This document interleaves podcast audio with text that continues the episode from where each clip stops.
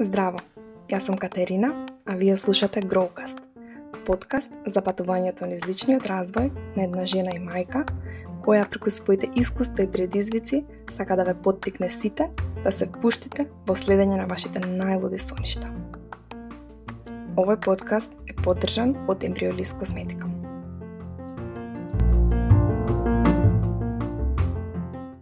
Здраво на сите и добре дојдовте во втората епизода од Growcast.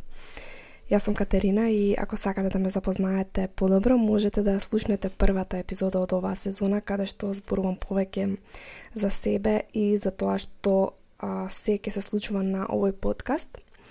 А, најпрво сакам да ви се заблагодарам на сите за споделувањата, за пораките, за коментарите и за сите убави зборови а, кои што ми ги упативте за првата епизода. И на вистина а, влегов со вашите коментари во некој моментум на инспирација и сега гледам да искористам колку можам повеќе од тој моментум и да снимам нова епизода. А, полека се враќаме во колосек некако од сите овие продолжени викенди, а некако не изфрлија од рутина. Па минатата недела јас воведов нова навика во мојата утринска рутина, што всушност се уште не може да се нарече навика, но планирам да стане со таква намера сум. Тоа е трчањето и веднаш забележав дека имам огромна промена во енергијата и во расположението, така што а, ќе бидете постојано апдейтирани како ми оди. А, денес добив инспирација да ја снимам оваа епизода поради една од многуте пораки што ги добив во врска со првата епизода. И пораката не ја памтам точно и не можев да ја најдам за да ви ја прочитам, меѓутоа гласеше дека девојката е многу инспирирана од мене затоа што низиниот живот бил сосема спротивен од мојот и дека поради оваа епизода видела дека секаде да има некои внатрешни борби и дека минатото не треба да представува кочница за еднината и дека престанала да се самосожалува откако ја изслушала епизодата и продолжува напред со фокус на нови цели и идеи. И ова е нешто кое што јас многу, многу имам размислувано во предходната година и може би ќе ви биде чудно, но одамна се прашувам дали може некој обичен човек како мене да види инспирација и мотивација, да води преку пример, кога јас немам доживеано некое травматично детство или лошо искуство, криза, некој лош настан, туку имаме еден нормален, стабилен и обичен живот. И ова прашање го поставив на една од средбите во групата на групниот коучинг од кој бев дел лани во октомври кај Маја Стојчевски. И ако не ја знаете а, Маја Стојчевски, веројатно не сте доволно долго а, кај мене на, на профилот и ви препорачувам да одите и да си видите која е Маја Стојчевски. Па јас ова прашање го донесов пред Маја Стојчевски и пред другите девојки од групата, заедно а, бевме 10 жени на ова групна програма. И Маја и другите девојки од групата заедно ми дадоа одговор на моето прашање.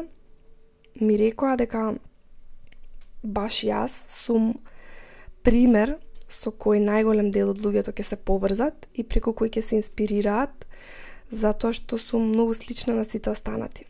Затоа што може да се поврзат со мене и со она што ми се случува во мојот обичен живот.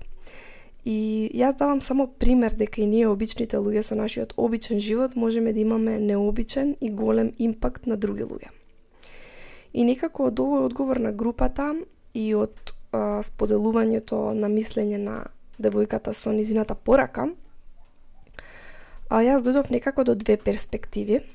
А првата перспектива е дека една иста приказна настан или реченица може некого да мотивира, а друг да демотивира и тоа е исклучиво одговорност на оној која прима информацијата, затоа што значењето на информацијата ја дава соговорникот. А, за некого мојата приказна ќе биде исклучително мотивирачка, а некој ќе ја доживее како немотивирачка или уште полошо демотивирачка. А втората перспектива е дека најобичните луѓе може да бидат мотивација за некој, пред се затоа што со обичните луѓе најлесно можеме да се поврземе, да се поистоветиме, да се пронајдеме во нивната приказна, зашто секој буквално секој има своја приказна од која некој друг би можел да се инспирира.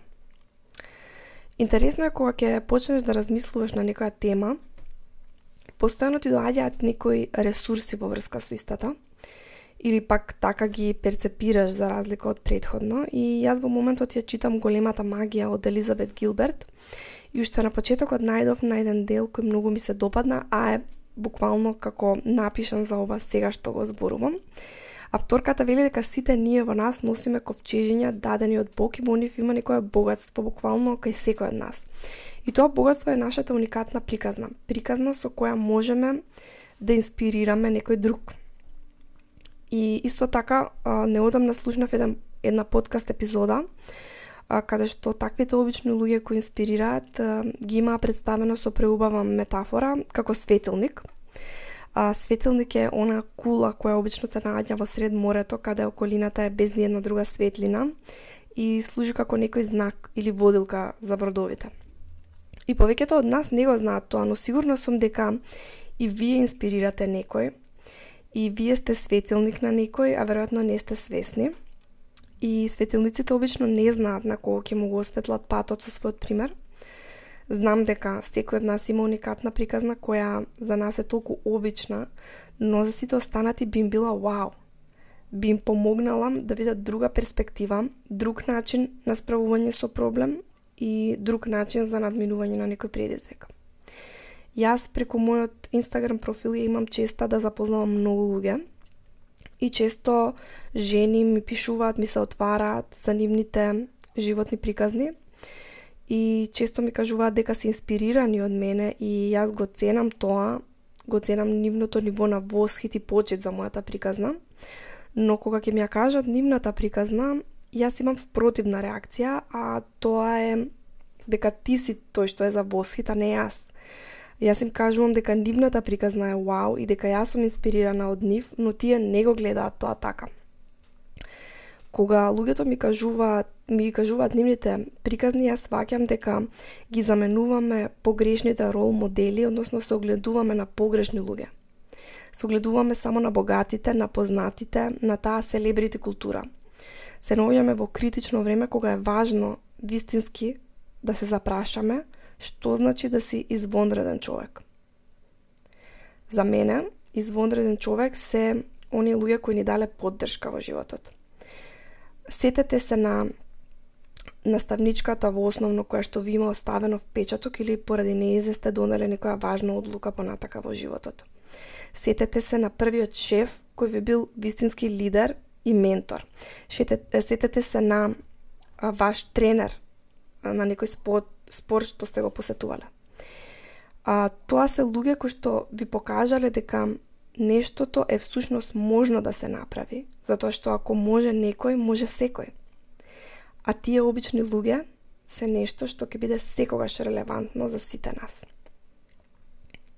Немам време или која сум јас за да бидам извонредна.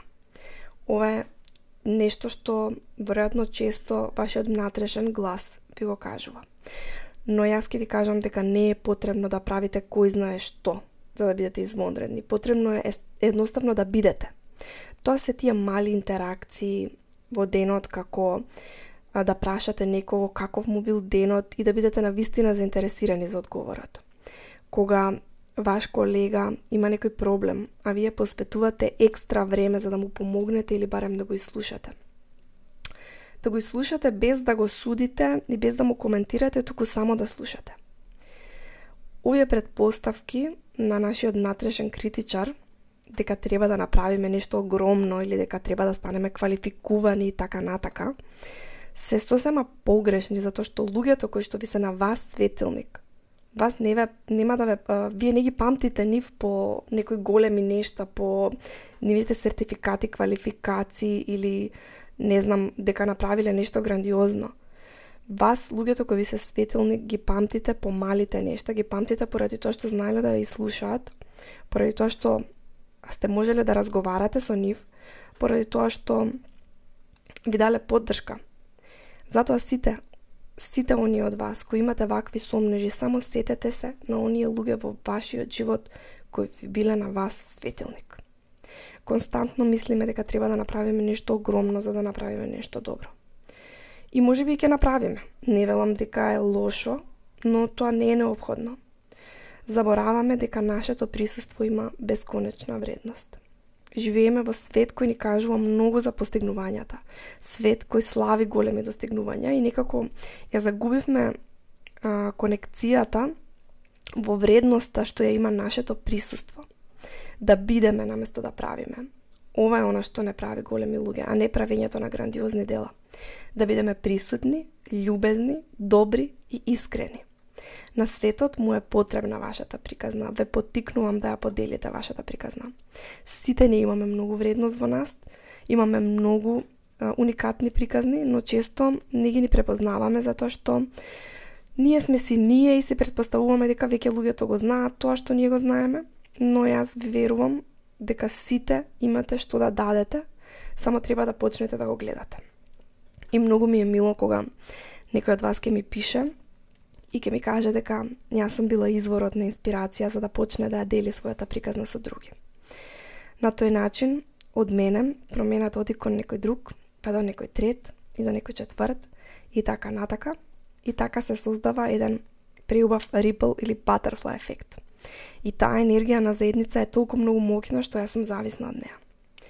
Затоа и продолжувам да сум автентична, искрена и љубезна и да ја ширам мојата скромна приказна. Се надевам дека уживавте во епизода и се слушаме во следната.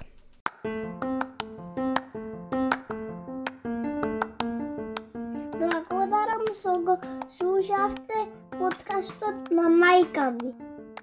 Ако ви се допадна оваа епизода, можете да направите неколку нешта. Да кликнете follow и да оставите ревју на мојот подкаст, да ја споделите епизодата на вашите социјални медиуми и да ме означите мене и да ми поставите прашање или да оставите коментар директно на мејл, по инбокс на мојот Инстаграм или тука на платформата на која го слушате овој подкаст. Овој подкаст е поддржан од Ембриолист Козметика. Ви благодарам уште еднаш што ме слушавте.